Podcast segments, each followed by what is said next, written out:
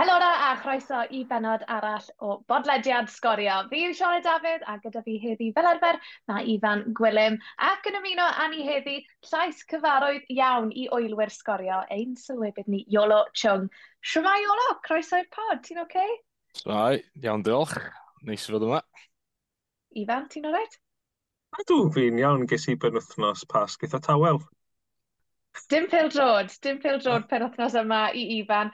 Iolo, ti newydd fod yn sylwebu ar ddwy gêm fatha pen y bont hefyd. Ni'n mynd i fod yn trafod i gêm fawr nesa nhw sydd i ddod yn erbyn Ceicona yn y man. Ond yn gyntaf, Ifan, draw ato ti gyda'r penawdau. Stori fawr y penwthnos yw bod gêm y Flint yn erbyn Cynarfon wedi gohirio ar ôl tua 20 munud wrth i helynt yn y dorf ddod ar gêm i ben wrth i'r Flint arwen o ddwy gol i ddim. Ar y cae, y stori fwyaf yw bod Ebus wedi ennill pwynt yn erbyn Aberystwyth, mond ei hail o'r tymor. Pedwar pwynt felly sydd rhwng Aberystwyth yn 11 a Chynarfon yn wythfed. Canlyniadau yn y chwech ucha yn golygu taw pwynt yn unig sydd angen ar Cei Conna i sicrhau'r ail safle. Cyn bod ni'n dechrau, Sioned, o ti yn y gêm Flint yn ebyn Canarfon, a i bobl sydd ddim yn gwybod y cyd-destun, allai di esbonio am fras beth y gwyddoedd? Ie, yeah, oedd hi'n um, brynhawn bach od. Oedd hi'n brynhawn eitha trist i'r gyngrair, fi'n credu. Welon ni golygfeidd sneb moyn gweld ar unrhyw lefel o Bill Drod neu mewn, mewn unrhyw gamp. Um, a fi'n credu gaethon ni, oedd pawb oedd yn gweithio ar y gêm o ran sgorio, fi'n credu o'n i gyd i cael y tipyn o sioc, achos sa'n credu bod ni byth um, di gweld rhywbeth fel la yn y gyngrair, yn ddiweddar beth bynnag, fi'n gwybod yn amlwg mae yna ma hanes um, di bod yn y gorffennol, ond ie, yeah, i reini o chi sy'n gryndo sy heb glywed, um, gyntaf ble chi wedi bod achos oedd e, oedd e bob man ond gêm fyw sgorio nos adon ar gair castell y Flint yn erbyn Cynarfon. Oedd y Flint dwy gol ar y blaen o fewn 10 munud, ond wedyn ni um, dechreuodd ymladd o ddi ar y ca o fewn y dorf, um, a wedyn ni nath y dyfarnwr wneud y penderfyniad i oedi'r gêm, y chwaraewyr wedi gadael y ca hefyd. Um, yeah, oedd y golygfeidd yn rai reit difrifol, um, dau cefnogwr uh, di cael eu cludo i'r ysbyty, felly wrth gwrs i ni'n ni, gobeithio bod y ddau berson yna'n oce. Okay. A wedyn ni wrth reswm nath y gêm ddim parhau o gwbl, sgorio di penderfynu bod ni ddim yn mynd i fynd nôl ar yr awyr chwaith. Um, wrth i ni recordo hwn, i ni dal yn aros i glywed ragor o wybodaeth yn dilyn be ddigwyddodd um, ddi ar y ca ac hefyd pryd fydd y gêm yn cael ei ail chwarae. Felly, ie, fel wedys i, golygfeidd sneb moyn gweld, um, mewn gêm pildrod. I fel ei olot, yn amlwg chi ddim newn o be welwch chi ar-lein, o be welwch chi twyd, ar um, cyfryngau cymdeithasol, beth i chi'n di wneud o'r, or prynhawn a'r digwyddiad? O'n i'n credu ag eitha peryglis edrych ar cyfryngau cymdeithasol achos o'n i'n darllen pethau a fi ddim yn siŵr pa mor wir o'n o'n i'n clywed lot o straeon, mm. a o'r pobl fi'n gwybod oedd yna, dyn nhw ddim rili'n really matcho beth o'n i'n darllen ar cyfryngau cymdeithasol a beth oedd pobl yna yn gweld. Um, ond ie, yeah, mae amlwg, mae'n ma, ma drist bod gymaint o sylw yn dod i'r gyngre'r ar adegau fel hyn, a mae'n dieddol o fod taw ar adegau negyddol yw pryd mae lot o'r sylw yn dod i'r gyngre'r ma'n a beth sy'n eitha siomedig, really, bod pethau fel hyn yn gallu dod â mwy o sylw na pethau positif. Ie, yeah, o'n i uh, ar y ffordd nôl o Ben y Bont, felly nes i gyrraedd nôl yn meddwl, o, oh, dwi wedi methu'r 20 munud cyntaf, na i, na i wylio unwaith dwi'n ôl yn tu ac yn amlwg erbyn i fi gyrraedd oedd pethau wedi um, digwydd fel oedden nhw, oedd y gêm yn amlwg wedi dod i stop, felly yr unig beth nes i weld wedyn oedd yn amlwg yr, yr ymateb na wedyn ar y cyfryngau cymdeithasol a, a fel, fel oedd Ifan yn deud, mae'n anodd gwybod yn iawn cweit beth sydd wedi digwydd o just ddarllen yr adroddiadau yna, achos mi oedd yna bobl yn awgrymu rhyw gwahanol bethau, felly mae'n un o'r pethau yna dwi'n meddwl fydd angen just aros ar gyfer yr ymchwiliad iawn i weld beth mm. i cynlyniad y, y cyfan.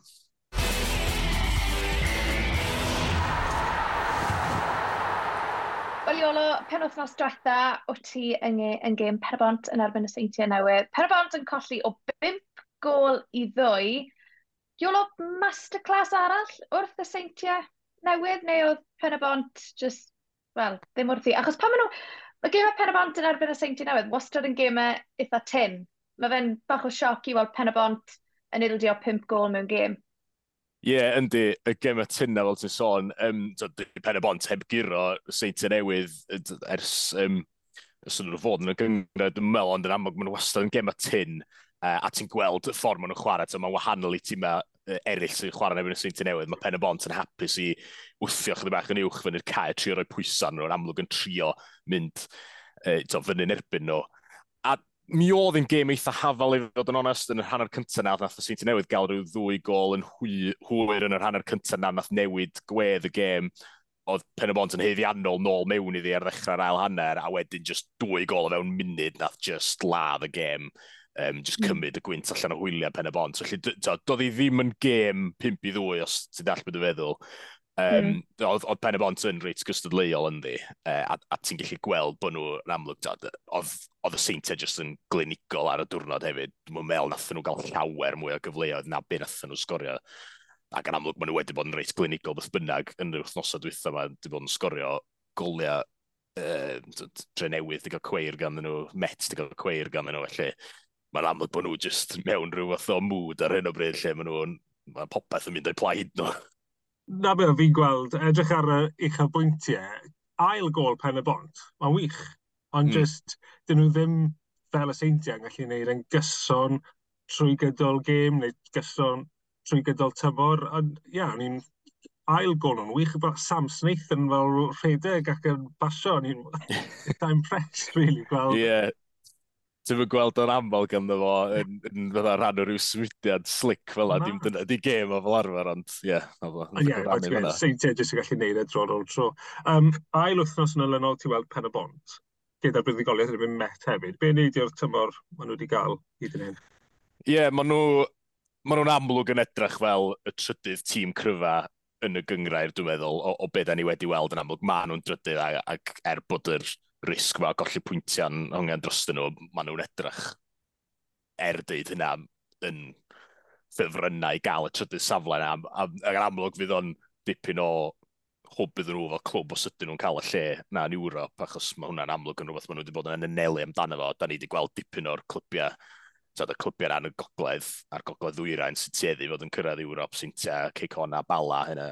Felly, a'r y dre newydd hefyd yn amlwg, felly fydd o'n dipyn o hwb iddyn nhw os ydyn nhw'n llwyddo i, i ddal y gafel ar hwnna ac, ac yn amlwg tîm o'r de wedyn yn, yn cystadlu uh, yn Ewrop hefyd. Um, achos ie, yeah, maen ma nhw'n ma nhw edrych yn dîm da, fel ti'n dweud, efallai ddim, just, ddim cweith digon cyson a tîm fel Saint Newydd, ond ar y dydd maen nhw'n gallu cystadlu fe unrhyw un, nath nhw frwydro'n dda iawn i ddod nôl yn erbyn Met uh, bythefnos yn ôl, mm. oedd hi'n ddwy i ddim, a goliau ar adegau mor anffodus hefyd, nath Met sgorio just cyn yr hannar a just ar ôl yr hannar, ac os ti'n dîm sy'n ildio golau ar amser a fel ti ti'n just yn meddwl, o, dy pethau ddim yn mynd o blaen ni, mae'n cymryd y momentum allan o bethau, ond nath nhw dal i frwydro nôl a, a, a chael y triffwyns. Felly dwi'n meddwl bod nhw'n eitha hyderus bod nhw'n mynd i allu neud ti. Yn amlwg mae'r chwe phwynt mae o gosb yn, yn hongian dros nhw, felly dydyn nhw ddim yn mynd i ddal cic yn yr ail safle, ond oedden nhw'n obeithiol o'r, or sgyrsiau ges i efo nhw drwy sadwn bod nhw ddim yn mynd i orfod colli y chwech pwynt cyfa, dyna oedden nhw'n obeithio beth bynnag bod bod na rhyw ddadl ganddyn nhw mae mond triffwynt o bosib nawn nhw golli, ond oedd y fuddigolaeth yn ebyn met yn hanfodol beth bynnag achos am tas nhw wedi colli honna, mae'n siŵr ta ta fysa i am y ras am trydydd, ond nhw ydy'r ffefrynnau rwan. Ie, yeah, mae rhaid i fi wedi, mae pen Hermod yn streso fi mas tymor bach. Sa'n gwybod beth yw e, pan maen nhw'n cyrraedd diwedd y tymor, diwedd tymor diwetha, wrth gwrs, gaethon nhw'r holl anafiadau yna colli'r bala o 11 gol i ddim, achos just... O'n i yn nes i wneud y gem yna'n bala, sy'n ddrwydroi fyny efo'r efo tîm ieuenctid. a ti'n just fel, wel, oce, okay, o ti'n gofyn nhw'n mynd i golli, ond o'n i'n mynd i sgwyl colled o gymaint o unna, yeah. chwaith. A wedyn ni, so ie, yeah, sio mor ffen tymor diwetha yn y ffordd wnaethon nhw, pan eto o'n nhw'n o'n nhw'n pwysio i gyrraedd Ewrop. Tymor un o'r busnes un gyda o bosib nawr colli'r chwe pwynt wedi digwydd hefyd. Tyfa, y Penafont yn siwr stori gret o ran popeth na, na Rhys Griffiths gyflawni yn ei yrfa fel chwaraewr, bod e nawr tywed, wedi wneud, er, well, wedi llwyddo i wneud yr hyn mae wedi wneud gyda pen y bont, a bod nhw wedi dod mor agos i gyrraedd Ewrop, a wedyn ni bod rhyw ddrama oddi ar y cae yn digwydd. Fel i ni'n gwybod yn barod, mae'r gyngrair wedi coeddi y bydd pen y bont o bosib yn colli chwe phwynt am beidio defnyddio'r nifer cywir o eilyddion. Mae'r clwb wrth gwrs yn apelio hwnna ar hyn o bryd. Mae'r gwrandawiad yn digwydd heddi pan ni'n recordio. Felly, o bosib pan mae'r pod mas, bydd rhyw fath o syniad gyda ni os maen nhw wedi bod yn llwyddiannus neu bido, i ni ddim yn siŵr. Os nawn nhw ennill ar y pêl, yn fath fathemategol, mae fe dal yn bosib i Ben y Bont orffen yn ail. sy'n meddwl bod rhaid i nhw giro Ceicona pen wythnos yma i gael unrhyw obaith. Iolo, ti wedi sôn amdano fe yn fras iawn yn barod, ond ti'n credu bod na obaith yn bersonol sa'n credu nawn nhw ennill yr apel? Na, doedden nhw ddim yn swnio'n rhy o beithio bod nhw'n mynd i ennill yr apel. Dwi'n meddwl, oedd swnio fel bod nhw'n trio dadla'r achos bod Um, to, bod ella un o'r ddwy gêm lle maen nhw wedi cael eu cosbi yn ei gylch dyla nhw fod wedi cael rhybydd am hynny yn gynt neu rhywbeth fel yna. Hynny di, bod bo na bod na ledd yn nhw ddadlau, dylwn nhw ddim cael eu cosbi'n llawn, ond dwi'n meddwl bod nhw'n cydnabod bosib bod na rhyw fath o gosb yn dod, felly ia, ras na mael, dwi'n tybio fod o drosodd. Un peth am uh, hynna hefyd, ond mae'n o ti'n gweud am beth i'r buddigoliaeth gathon nhw yn ebyn y met, a mor bwysig oedd hwnna i y ras am drydydd, achos hyd yn oed os nhw'n colli chwech pwynt llawn, maen nhw dal yn eistedd doi bwynt uwch ben met yn drydydd safle. So mae hwnna'n, fi'n credu, maen nhw'n mynd i gael y trydydd, so maen nhw'n mynd i fod yn edrych am Cwpan Cymru nawr mae gen nhw. edrych yn gobeithio bod seintiau newydd yn mynd i ennill a wneud y trydydd safle yn automatic i gyrraedd Ewrop. Ie, yeah, dyna'r gobaith e, gorau iddyn nhw, dwi'n meddwl, ond gan mae Seintiau Newydd, da ni sôn am, mae hwnna'n obaith weddol iddyn nhw dydy. O'n i'n moyn dechrau gyda segment newydd, os yw'n ano'n okay, achos uh, pan wrth diwetha, o'n i'n mynd disgwyl bydd fe cyrraedd y pod uh, terfynol, ond nath y, nath y bit am fi'n gweld um, Dave Vincent yn y siop, neud y cut. So, um, o'n i'n meddwl, byddwn ni'n rhoi uh, uwch gygrau'r Cymru celeb spot wythnosol fi mewn. So, es lawr i baid i gwyn ar y Groglith a nes i weld dau chwaraewr yn yr un spot. Un pan ni cerdded mas i'r baraj a un pan nes i nôl. Ar y ffordd mas, nes i weld Matthew Chubb, a fel chi gyd yn gwybod, un o hoff chwaraewyr fi, yn i'r ffigurau Cymru, Matthew Chubb. Ar y ffordd nôl, pwy nes i weld yn bita hufen ia gyda'i deulu, oedd Keon Reffel. A nath e ddim ymlaen i sgorio dwi'n wedyn i erbyn y seintiau newydd. So dyna'r cyfrinach i sgorio yn erbyn seintiau newydd yw cael hufen iad yn cyn y gêm. Wel, di ddim wedi bod yn dywydd i fe'n ia dros y geia yma na di. Alla dyna pam dros ddim digro bobl wedi bod yn sgorio yn efo'n sy'n ten newydd. o ran gyfer eraill y pen wythnos yn y chwech ucha, Bala yn colli o gol i ddwy yn erbyn y dre newydd. Met Cyrdydd yn colli o ddwy gol i ddim yn erbyn Ceicona. A wedyn ni, o ran y chwech isa, bach o ddrama yn Aberystwyth, nath i orffen yn un ar un rhwng Aberystwyth ac Ebus. Ebus yn cael ei ail bwynt nhw o'r tymor yn unig. Iol, o'n i'n meddwl bod ti'n siglad y ben, di wedi. Mae pawb yn siglau pennau fan hyn. Ie, wel, dych chi jyst i arfer efo, yn enwedig efo pa mor dyn ydy ar wylod y tabl na, ac yn gweithio allan pwy sy'n mynd i allu aros fyny, A pan ydych chi'n edrych ar y gema wedyn, mae edrych ar y gema ar hyn o bryd efo, o, mae hein yn chwarae e-bus, mae rhain yn chwarae e-bus yn barod, felly mae, mae bron rhyw fath o banker o driffwynt ti'n ystyried o'i fod, a wedyn yn amlwg, pan mae'n tre allan i, i beidio bod, mae, mae o'n dipyn o ergyd, dwi'n meddwl. Ma di, ond oedd hi'n, wel, sŵno fel dipyn o gêm, cic o'r smotyn i gyn chwarae o'r Aberystwyth, Adam Davies nath roi ebus ar y blaen, a wedyn ni cic o'r smartyn hwyr i Niall Flint yn atal Ebers rhaid cael ei buddugoliaeth cynta nhw o'r tymor ac yn achub pwynt i Aber. Wel, Ifan, yn ni sôn am Ebers, ond hefyd Aberystwyth, maen nhw jyst yn drylu ar bach o ddrama a munudau ôl ar gêm ar hyn o bryd. Ym mob gêm yn nhw mare.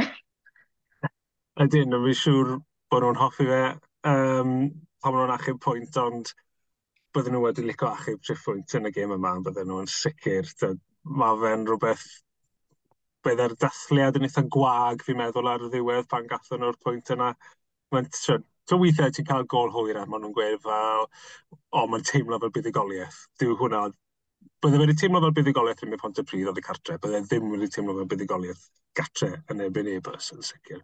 A oedd uh, Owain Jones yn gweud yn amlwg ar y pod y thosdwetha bod e'n gobeithio bod e-bus yn mynd i wneud ffafr dan nhw, a falle taw hwnna oedd y ffafr sydd angen ar Pontypridd, achos colli, nhw'n colli o ddwy gol i ddim yn ebyn Hwlffordd. Mae'r pwynt na i e-bus yn un gwerthor iawn i bont y Pontypridd hefyd. Um, yn nid yn unig e-bus. E-bus, fel ni wedi bod yn gweud o blaen, yr unig dîm nawr yn Ewrop yn yr cyngreriau eicha sydd wedi, sydd wedi mynd y holl dymor heb ennill hyd yn hyn a mae hwnna amlwg wedi dod â lot o sylw i ebys. O'n i'n clywed bod yna rhywiau ffilmio o ar draws Ewrop yn mynd i wylio gemau ebys ebyn hyn. Rhyw bobl o'r Eidal wedi bod yn mynd draw er mwyn wneud eitemau ar... Dwi'n fawr yn sgorio neu'r eitem ar rwy'r. Ond mae rhywun wedi bod yn dod draw o Eidal neu Portugal neu rhywle a wneud eitem ar e-bus ar y tîm sydd ddim yn gallu ennill. So felly, mae eisiau sgorio i fynd i wneud eitem ar y bobl sy'n wneud eitemau ar e-bus. Ie, yeah, ie, yeah, what meta.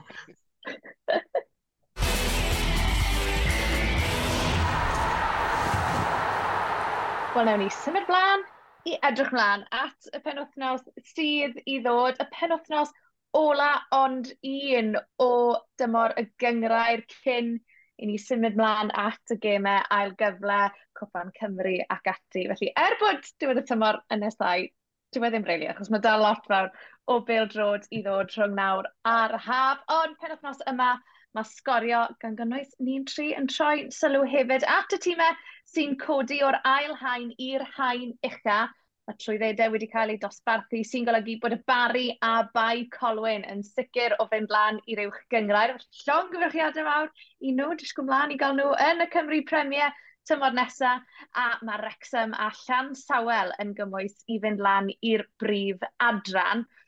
Ond Ifan, i ti'n ymweld â cyngrair y de, di Sadwn. Ti'n disgwyl mlaen? Ydw, Uh, fi'n mynd i weld y Bari yn codi tlws cynghrair y de yn ei gêm nhw yn erbyn uh, Lido Afan. Maen nhw'n barod wedi codi cwpan cynghrair y de uh, dillun y Pasg yn erbyn Llansawl. Gêm gyntaf sgorio fi erioed oedd yn y Bari, felly bach o deja vu. Fi heb fod yna ers, uh, ers tipyn. Uh, yeah, neis throwback. Um, amddangos fel tymor gwych iddyn nhw tymor yma, mae Cain McLagan sydd bod yn chwarae Cymru Ec uh, wedi bod yn syrenu fe yw prif sgoriwr y gyngred Iolo. Ti wedi gweld nhw cwbl o weithiau tymor yma'n so webi, nhw, siwt, ydyn nhw'n debyg i fel o'n nhw tymor athyn nhw lawr o ran personel, siwt maen nhw wedi chwarae o dan Lee Kendall, achos mae'n newid mawr, rheolwr newydd. Ie, yeah, um, do, cwpl o gema uh, dwi wedi gwneud yn y ddiweddar efo nhw. Um, cwpl o gema, dwi wedi gwir, lle nath nhw uh, ddim ennill mor hawdd o hynny chwaith er, er bod y tabl yn amlwg yn awgrymu bod nhw wedi tyd, curo pawb o'i blaenau nhw tymor yma. Um, nath nhw guro Cambrain y Clydach o bedair i ddwy, ond oedden nhw ddwy un ar ei hôl i os nhw'n cofio'n iawn, tan yn weddol hwyr yn yr ail hanner a just goliau hwyr wedyn i ennill. A wedyn gath nhw gem gyfartal yn yr un arall nes i sylwebu yn erbyn uh, Rhydaman, lle nath Trundle sgorio uh, yn erbyn nhw. Felly, ie, yeah, maen nhw, maen nhw'n amlwg, so, maen nhw'n glinigol, mae gen nhw'r chwaraewyr na fel Cain McClagan yn amlwg sydd safon uwch gyngrau'r Cymru, ac felly mae'n ma amlwg pam to, pam maen nhw'n creu'r cyfleoedd na, mae chwaraewr fel a gynti, mae'n mynd i gael y golau yna fydda y mosodwyr eraill yn y gyngrau jyst ddim yn y cael, felly mae o'n amlwg wedi helpu nhw allan o am, felly dwll, dwi'n siŵr, um, pan mae'n yna gema tyn i bod.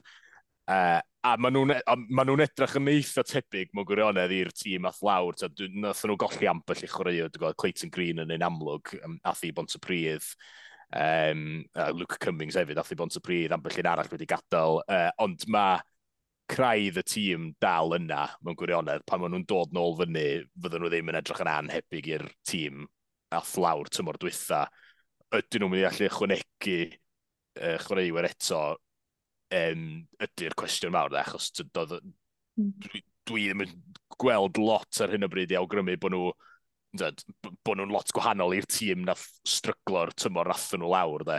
Um, to, pam fydden nhw'n mynd fyny, ydyn nhw'n mynd i allu gwneud unrhyw gwell na hynny, ne, to, hynny fod bod nhw'n dîm yn hanner isa'r tabl.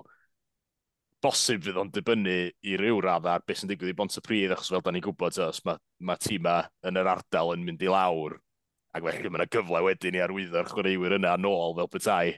Um, ella fydd dda dipyn yn dibynnu ar, ar ffawd bont y bryd os, os ydy Barry mynd i allu bod yn llwyddiant pan maen nhw'n dod fyny, ond gawn ni weld.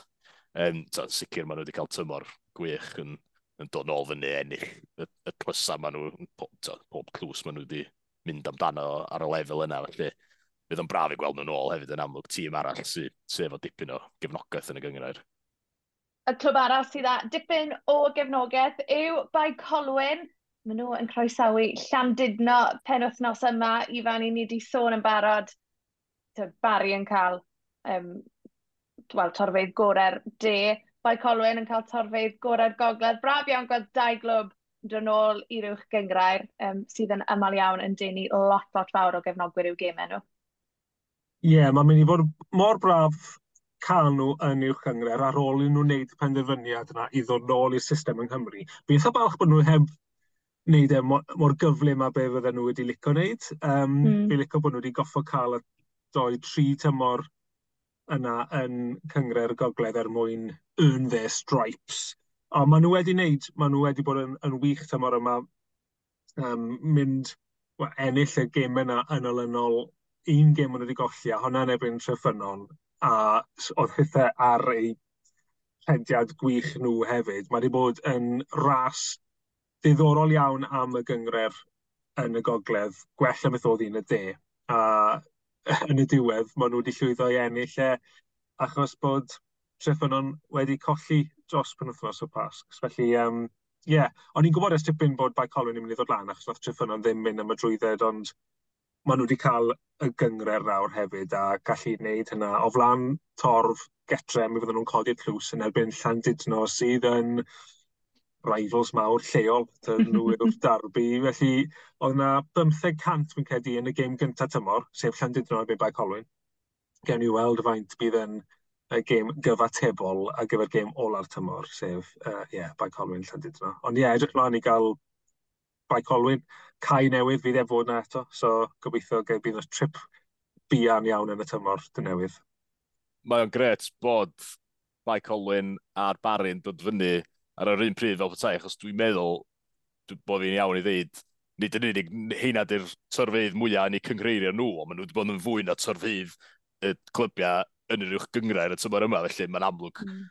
cael dau glwb fel yna mynd i fod yn hwb i'r gyngrair hefyd ydy, mae ma pobl wastad yn trafod yr, y busnes yma efo torfeidd yn y, yn y Cymru Premier, felly mae cael dau glwb o'r maint yna, o'r gefnogaeth beth bynnag yn, yn sicr mynd i fod yn, yn reit ddifur.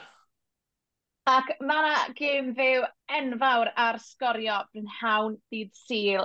Gêm ail gyfle rhwng pencampwyr y gogledd, Merched Wrexham, yn erbyn pencampwyr cyngrair y de, sef Llan Sawel, i weld pa un o'n nhw fydd yn cymryd lle y fenni yn y brif adran. Mae'r gêm enfawr yna yn fyw o dre newydd, yn fyw ar sgorio dydd syl, a Ifan, Wrexham fydd y ffefrynnau naturiol, nid o reidrwydd achos y pildrod o bosib, ond achos yr holl sylw sydd o gwmpas y clwb ar hyn o bryd, bydd lot o bobl moyn gweld Wrexham yn wario pildrod nhw ym mhrif adran y merched tymor nesa. Llansawel yw'r underdogs os lyci di, ond mae Llansawel wedi cael tymor cryf, cryf iawn, mae Llansawel hefyd yn ffeinal cwpan merched Cymru yn erbyn Cyrdydd diwedd y mis hefyd. Felly, ie, yeah, dwi ddim yn mynd i fod mor cyffwrddus o falle be bydd pobl yn disgwyl iddo fe fod i Wrexham? Na, mae Wrexham, fi credu bydde y gyngred yn licio i fynd lan, achos fel ni wedi bod yn gweud yn biti bai Colwyn a'r Bari, yr un peth a mwy i weid dros Wrexham yn mynd lan i chwarae. Mae dychmygu'r torfeidd bydd Wrexham yn, erbyn, yn denu yn erbyn Caerdydd ac Abertawe, mae'r potensial yn y brif adran gyda Wrexham yn ddi yn huge. Mm. Yn hanesyddol, mae tîm y cryfa'n dod o'r de, felly tymor diwetha, bydde llan sawel wedi bod yn ffefrynnau clir, fi'n meddwl. Ond mm. mae yna, achos y sylw, mae yna fuddsoddiad hefyd yn dod gyda hynna i dîm Merched Wrexham. Felly, ie, yeah, fi'n credu bod nhw'n ffefrynnau erbyn hyn. Iolo, o'n i moyn gofyn ti'n gloi o ran merched Wrexham, yw hwnna'n rhoi gormod o bwysau ar y merched yna? Twa, pan i ti'n meddwl bydde cael Wrexham yn y brif adran, twa, dyw e ddim jyst am Bill Road, fel nath Ifan jyst sôn, mae fe'n sôn am arian i'r gyngrair, profil y gyngrair yn codi. I'r merched yma oedd affo parch, jyst cwpl o tymhorau yn ôl, oedd neb yn gwybod pwy o'n nhw. I fe nhw hwnna i'n sydyn reit cael bron i 10,000 o bobl yn watchan chi, a hefyd pobl ar draws y byd nawr yn cadw llygad ar beth i chi wneud, yw hwnna o bosib yn mynd i fod yn ormod i, i ferched Wrexham? Ie, yeah, dwi'n dwi gwybod, dwi'n dall y pwynt ynglyn â'r pwysau, ond da ni wedi gweld nhw yn y gema, uh, er enghraifft, gath nhw'r gêm yn fyw na yn erbyn Cey Conad o ar teledu, lle oedd hwnna'n gêm eto, lot o sylw ar hwnna, a maen nhw'n llwyddo gael y fuddugolaeth oedd yn amlwg, oedd pawb yn disgwyl iddyn nhw gael, maen nhw'n amlwg um, wedi wneud y job o ran y gyngrair, maen nhw'n gwybod, ie, yeah, fel ti'n dweud, mae yna dipyn o ddisgwyliadau arnyn nhw i fynd mm. fyny bron bethau. Uh, ond hynna ddim yn wahanol er enghraifft i sefyllfa efo tîm y dynion hefyd. So, Mae'r ma, ddau glwb mewn sefyllfa weddol debyg o ran hynny o beth. Um, so, na, mae yna ma, ma dipyn o, o bwysau sylw ar y, y tîm y dynion hefyd ar hyn o bryd. Felly, efallai bod nhw ddim yn teimlo... Um, efallai bod hynny'n helpu mewn ffordd, achos mae'r ma, ma mae'r tîm y merched a tîm y dynion mewn sefyllfa debyg, maen nhw'n edrych fel bod nhw, to, maen nhw mwy neu lai yn cam o ddi wrth e, be nhw'n trio cyflawni rwan, felly dwi'n siŵr fydd hynna yn rhywbeth fydden nhw'n wydodd i arno yn hytrach na teimlo allai fod y, y pwysau mynd yn, yn drech arnyn nhw yn, yn hynny o beth. Wel, diolch yn fawr i Ifan Aiolo am eich cwmni chi heddi. Cofiwch ymuno â ni ar gyfer dwy gêm byw dros y penwthnos ar sgorio y gêm gyntaf yn yr uwch gyngrair brynhawn dydd Sadwrn, a wedyn ni, fel ni wedi sôn, y gêm enfawr yna rhwng Wrexham a Llan Sawel brynhawn dydd Sul. Felly Ifan, Iolo, diolch am eich cwmni chi, a diolch yn fawr iawn i chi am wrando gytre yn y car, yn y bath, be bynnag, i chi'n mynd ar bodlediad sgorio. Nawr, ni'n ôl gyda chi wythnos nesaf. Ta-da!